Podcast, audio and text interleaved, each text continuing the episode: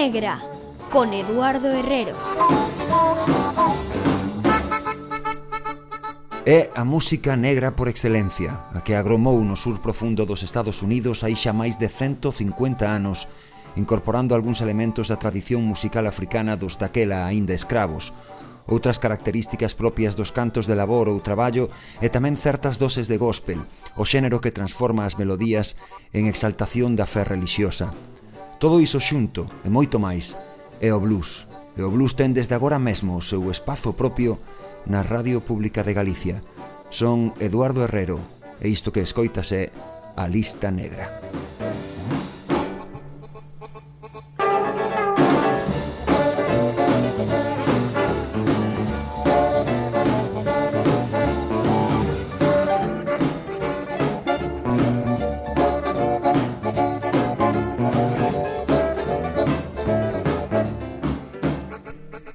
Cada semana vemos dedicar o programa a un dos piares, a algunha das figuras que vertebran a historia deste xénero, honesto, auténtico como ningún outro. Con cada capítulo iremos engadindo un nome á nosa lista negra, a lista dos grandes do blues. En este primeiro programa o protagonista vai ser o máis grande de todos, un xigante de case 2 metros de alto e máis de 130 kilos, Chester Arthur Burnett, alcumado o Lobo ou Veador. Howling Wolf. You ain't gonna say it's in the mood.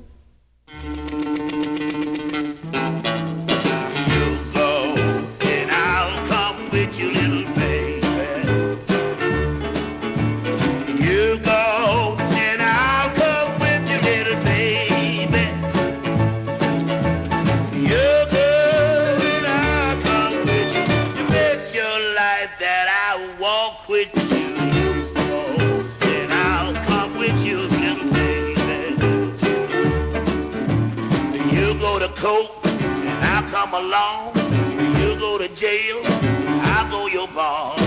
You got time, tell you what I'll do. I'll stay outside and wait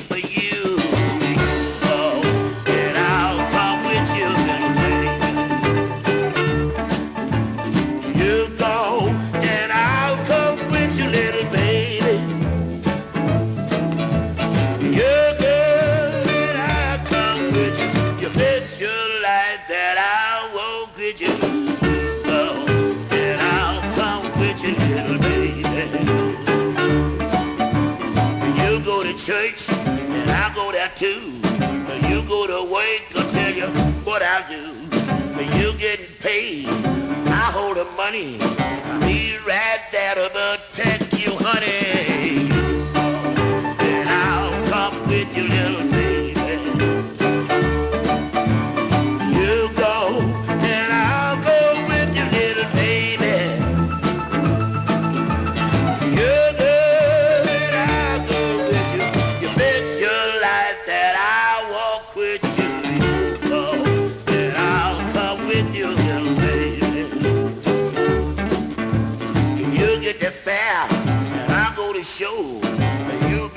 Horses, and I'll pick up the dough. You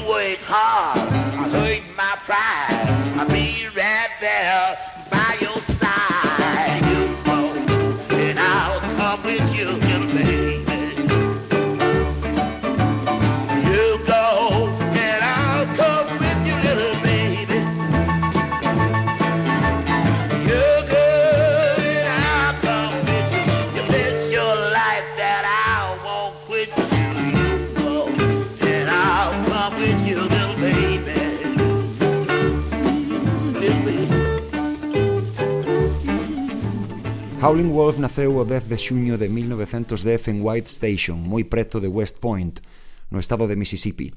Seus pais, Gertrude e Leon Barnett, bautizárono co nome de Chester Arthur, en homenaxe ao 21 presidente estadounidense, republicano, oriundo de Vermont, que, porén, foi un dos primeiros en defender os dereitos civis dos negros nos estados do sur durante o seu breve mandato comprendido entre setembro de 1881 e marzo de 1885. Gertrude e Leon separáronse cando o pequeno Chester tiña apenas un ano.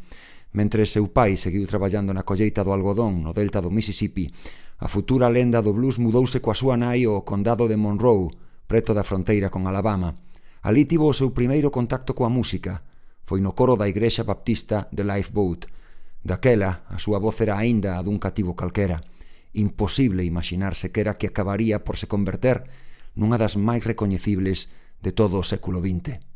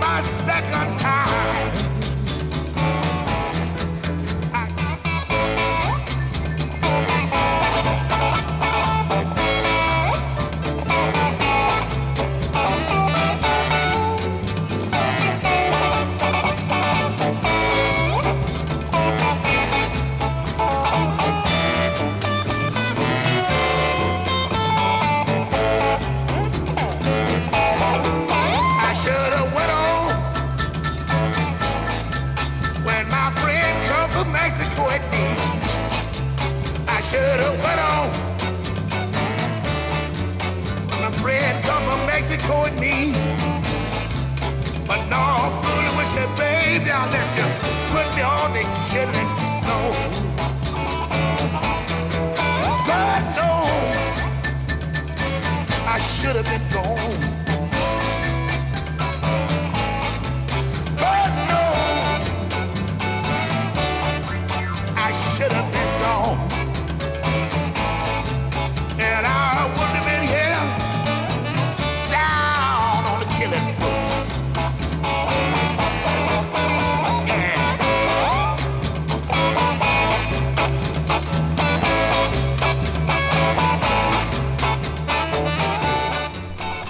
Isto que escoitas é a lista negra, o recuncho de blues en Radio Galega Música que hoxe dedicamos a Howlin' Wolf, un dos artistas que axudaron a definir este xénero. Cando aínda era un neno rebelde o que chamaban Chester, a nai de Howlin' Wolf botou no da casa en pleno inverno. Mudouse daquela co seu tío avó Will, que o fixo traballar case como un escravo e non o mandou á escola. Algúnas fontes sosteñen que foi entón cando lle puxeron o alcume do lobo, a raíz de certo incidente coas pitas da granxa. O caso é que, ao cabo dun tempo, Chester escapou e con posterioridade chegaría a asegurar que percorreu a pé as 85 millas, case 140 kilómetros que había ata o lugar onde aínda vivía seu pai. No seu fogar atopou, por fin, a felicidade.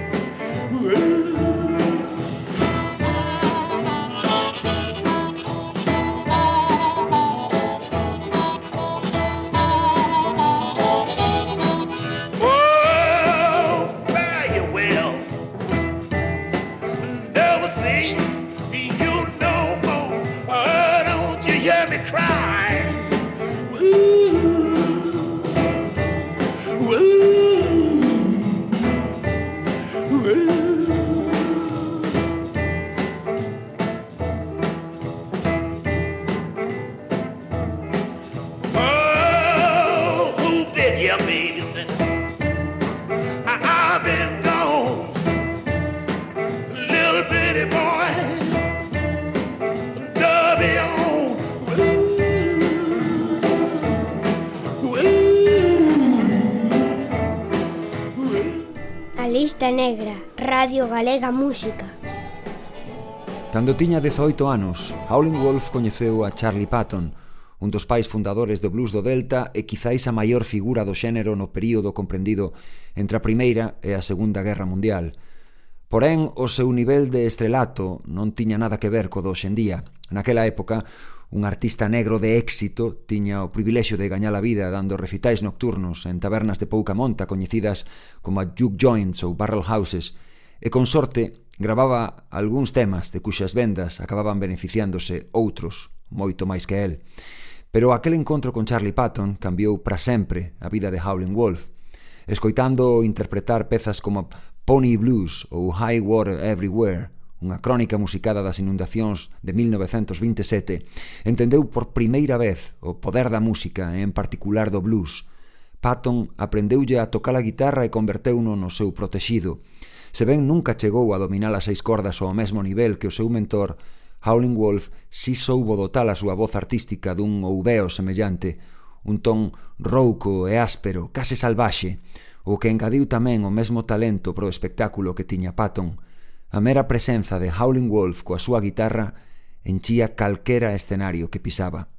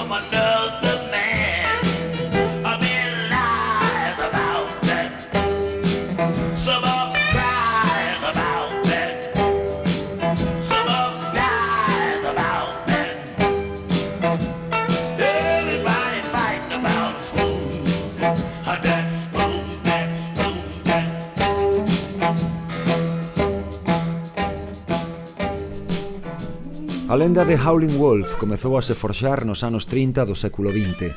En pouco tempo pasou de ser un mero imitador de Charlie Patton a lle imprimir un selo propio ás súas interpretacións. Neses anos colaborou con multitude de artistas que tamén son historia do blues e antes ou despois van formar parte da nosa lista negra, desde Robert Johnson a Son House, pasando por Sonny Boy Williamson, quen acabaría casando con Mary, irmá de Howling Wolf, e introducindo a este no seu segundo instrumento, a armónica, utilizando un soporte semellante ao que décadas máis tarde faría célebre Bob Dylan, cara ao final daquela década de entreguerras Howling Wolf converterase nunha das maiores atraccións musicais do sur profundo, soprando a súa armónica e aporreando unha das primeiras guitarras eléctricas xa máis vistas. Foi entón cando a súa carreira sofriu unha longa paréntese de 4 anos, o tempo que tardou en completar o servizo militar.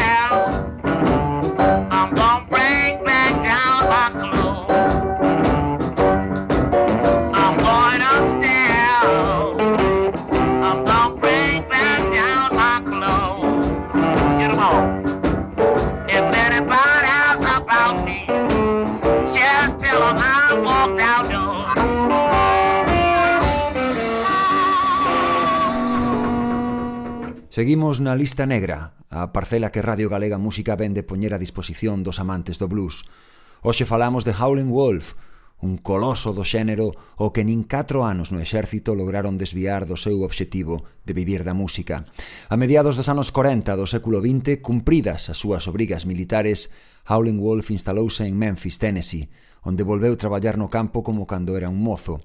Ali formou tamén a súa primeira banda, na que reclutou tres nomes ilustres, Willie Johnson, Matt Murphy e Junior Parker.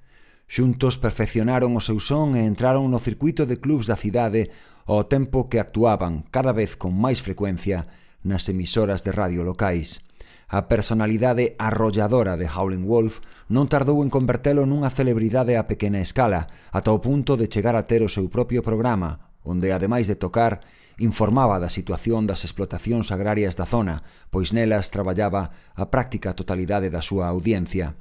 El mesmo facía tamén as cuñas publicitarias. A lot of people wonder what is the blues. I hear a lot of people saying the blues, the blues, but I'm gonna tell you what the blues is. When you ain't got no money, you got the blues. When you ain't got no money to pay your house rent, you still got the blues. A lot of people holler about, I don't like no blues, but when you ain't got no money and can't pay your house rent and can't buy you no food, you damn sure got the blues.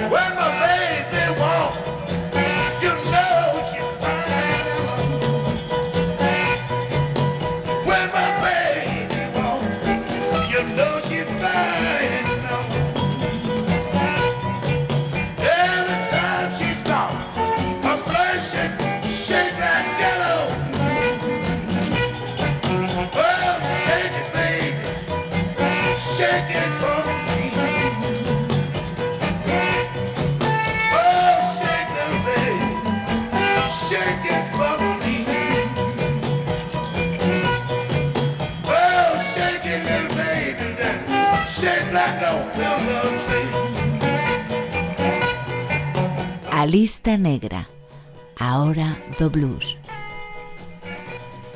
Antes de que a súa muller Tina destapase os abusos aos que a someteu durante décadas, Ike Turner foi un compositor, produtor e intérprete de éxito. Tamén traballou como descubridor de novos talentos. En 1951 foi el quen levou a Howling Wolf ata o seguinte nivel ao poñelo en contacto con Sam Phillips, futuro fundador do selo Sun Records, en que debutarían poucos anos despois Elvis Presley, Roy Orbison, Johnny Cash ou Jerry Lee Lewis, entre outros. Phillips quedou impresionado con Howling Wolf. Deixa a súa maldita alma en cada canción, contan que dixo mentre o so gravaba coa súa banda. Pero Dado que Sun aínda non era unha discográfica como tal, senón un simple estudio, acabou vendendo os dereitos desas sesións históricas a outra peza clave nesta historia, o selo dos irmáns Phil e Leonard Chess, con sede en Chicago, a seguinte parada de Howling Wolf.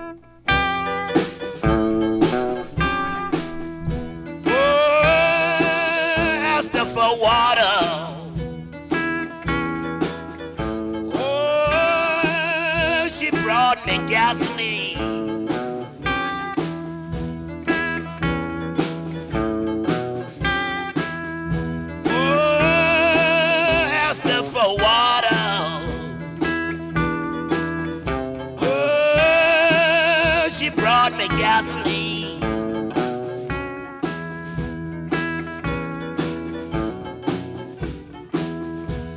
The turban is wobbled.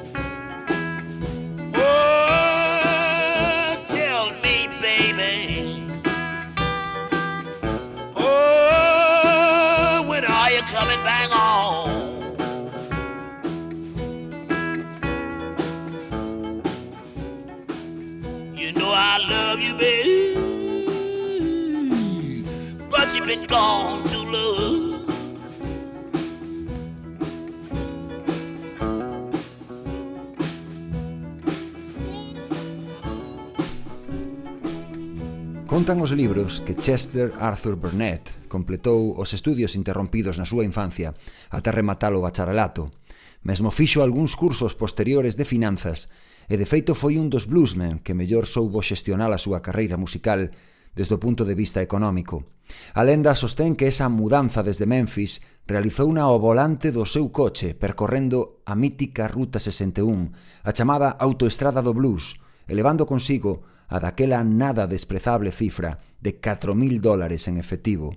Unha vez instalado en Chicago, Chess editou os dous primeiros e imprescindibles álbumes de Howling Wolf, Moaning at the Moon en 1959 e tres anos máis tarde un segundo traballo bautizado co seu nome, pero que pasou á historia como o disco da mecedora, pola icónica imaxe dunha cadeira na súa cuberta.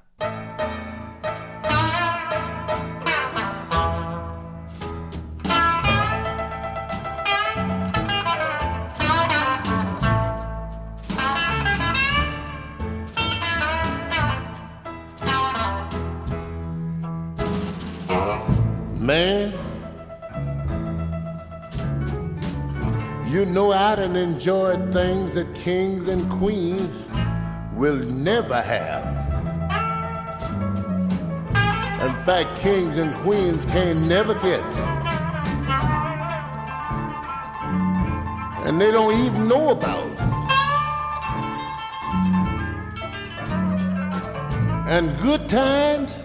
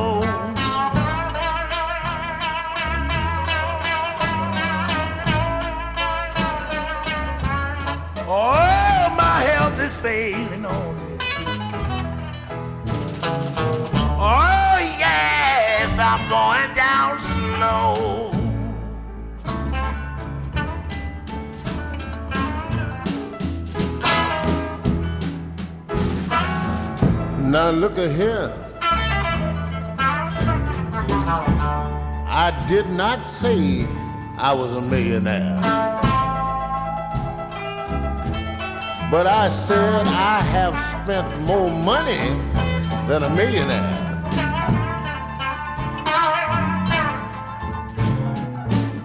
Cause if I had kept all the money that I'd already spent, I would have been a millionaire a long time ago. And women, moogly.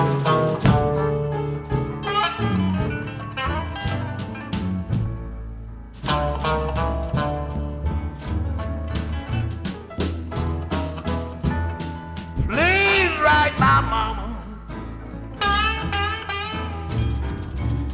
Tell her the shape I'm in.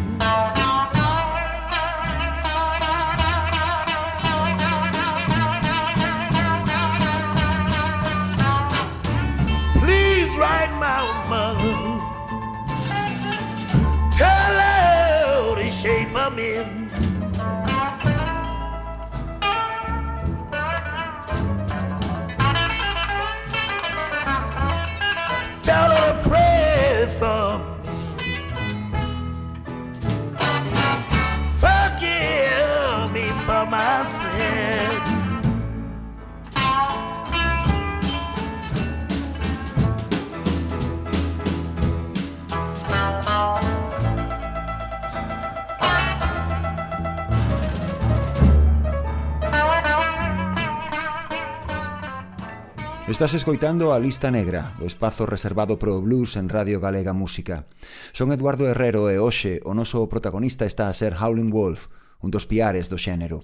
Pero a súa historia, e en particular a súa exitosa estadía en Chicago, non sería a mesma de non ser por outra lenda. O compositor que Chess Records tiña en nómina naquela época, o gran Willie Dixon. Durante preto dunha década Howling Wolf non grabou outra cousa que non fosen os magníficos temas que escribía Dixon, A poderosa voz do lobo convertíaos en clásicos instantáneos, de Spoonful a The Red Rooster, temas que dúcias de artistas interpretarían co paso dos anos, pasando por este Backdoor Man, do que os Doors, de Jim Morrison, farían tamén a súa propia versión no seu álbum de debut.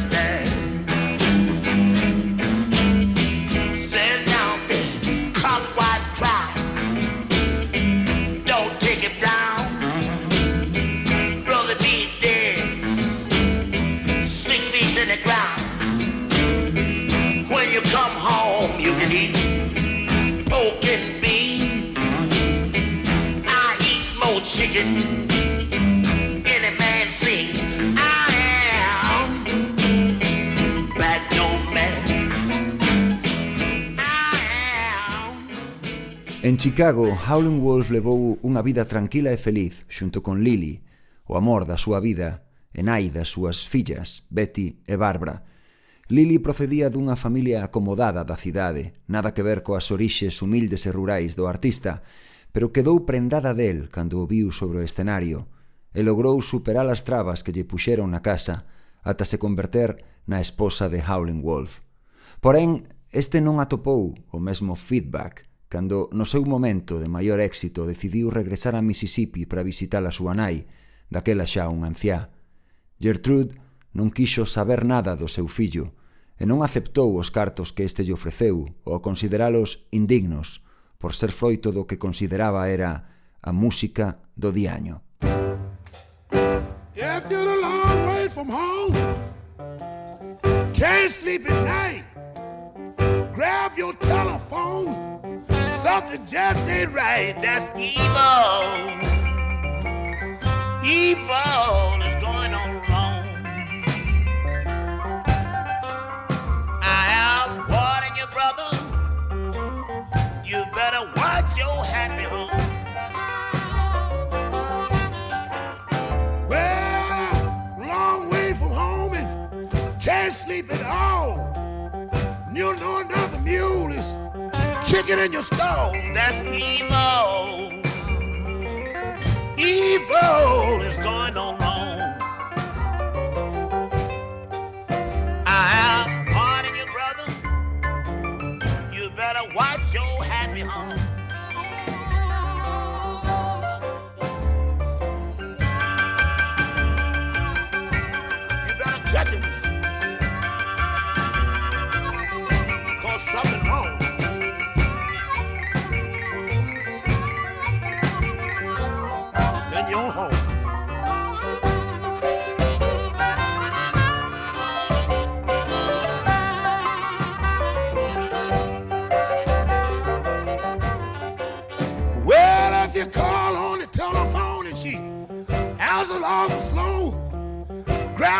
Fat thing smoking off you half the whole bone. That's evil. Evil is going on wrong. I am warning you, brother. You better watch your happy home.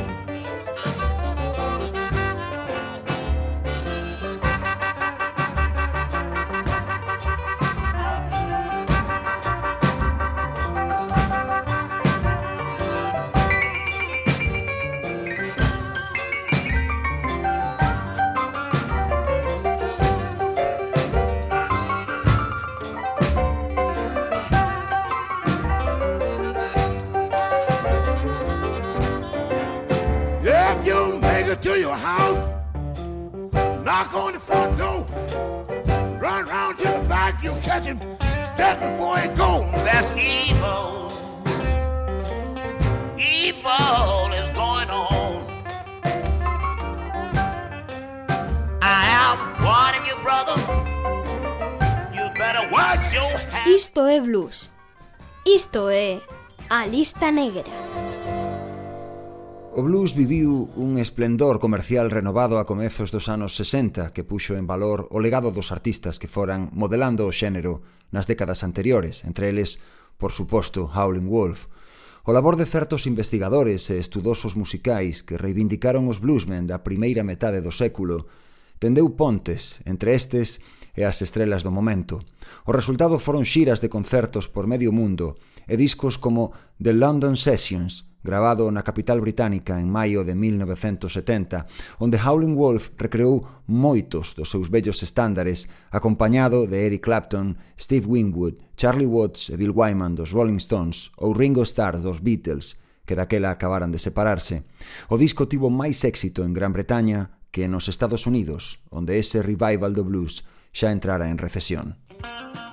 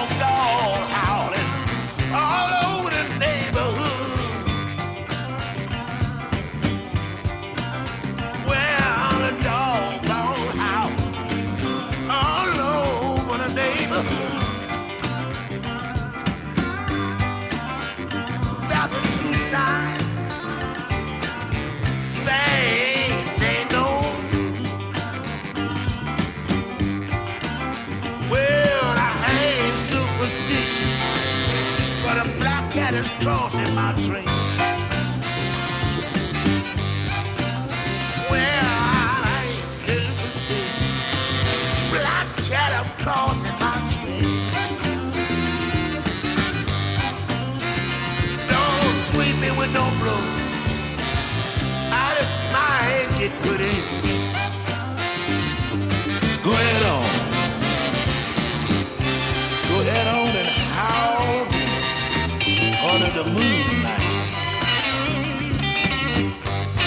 Got my baby by my side. Boy, she the sweetest thing you ever see. The dog is howling. And the hound.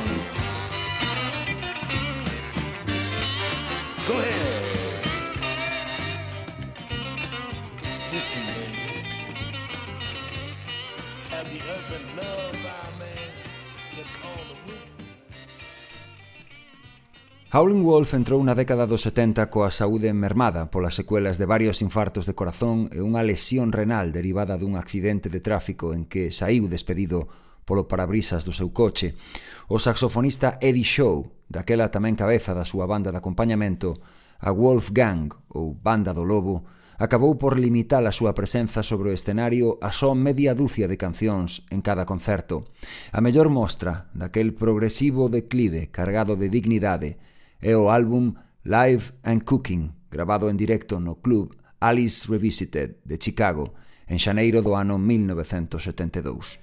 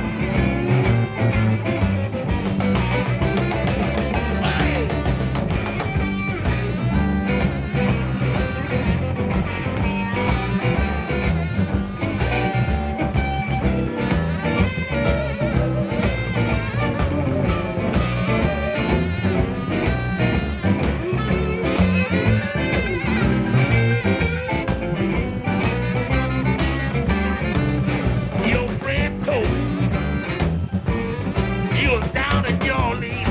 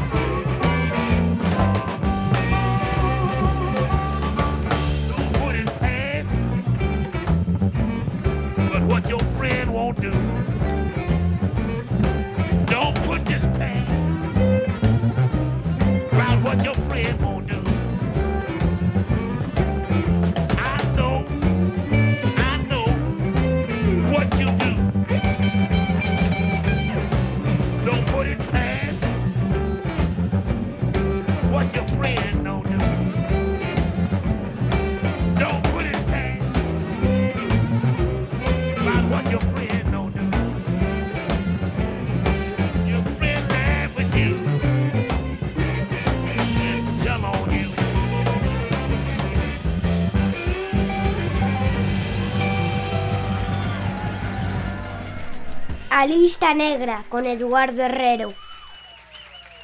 Chester Arthur Burnett, que pasou á historia co sobrenome de Howling Wolf, morreu o 10 de xaneiro de 1976 nun hospital de Hines, no estado de Illinois, a consecuencia das complicacións xordidas tras ser operado de novo dos seus maltreitos riles. Tiña 65 anos Os seus restos foron soterrados no cemiterio de Oak Ridge, no extrarradio de Chicago. A súa lápida están soldadas unha guitarra e unha armónica. En 1994, o Servizo Postal dos Estados Unidos emitiu un selo conmemorativo coa súa imaxe. Tres anos despois erixiuse unha estatua na súa memoria en West Point, moi preto do seu lugar de nacemento no estado de Mississippi. Alguén dixo que Robert Johnson escribiu letras máis profundas, que Muddy Waters brillou con máis forza, que B.B. King tiña unha técnica máis depurada como guitarrista, pero ninguén entusiasmaba, intimidaba, excitaba e conmocionaba o público, tanto como Howling Wolf, o lobo uveante. O seu legado é inmortal, como certifica a súa inclusión a título póstumo nos salóns da fama do blues e do rock and roll. Desde hoxe tamén é membro de honra da Lista Negra, o territorio reservado para os grandes do blues en Radio Galega Música. Thank.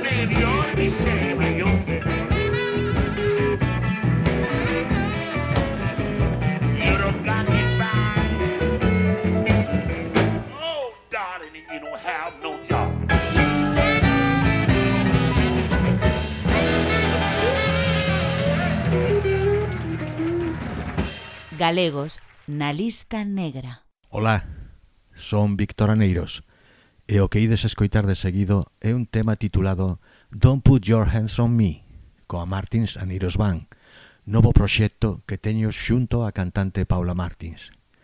Desexo vos moita saúde, moito blues e que teñades sempre os pés quentiños. Música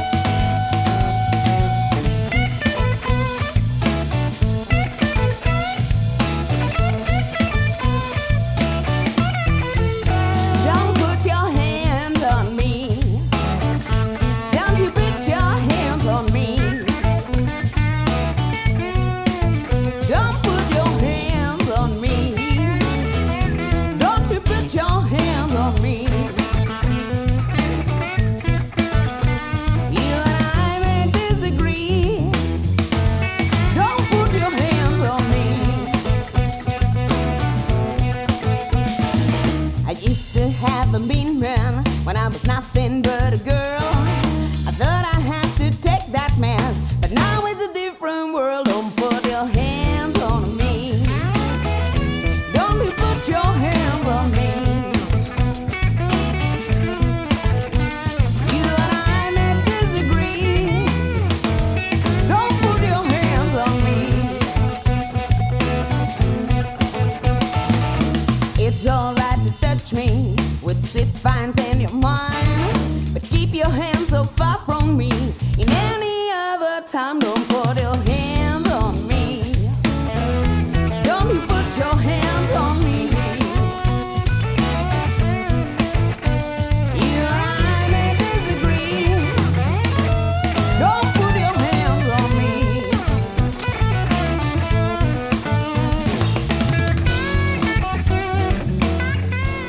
Podes seguirnos en Facebook e Instagram escribindo no buscador a lista negra do blues. Tamén podes volver a escoitar o programa cando queiras a través da páxina web da CRTVG ou da súa plataforma podcast.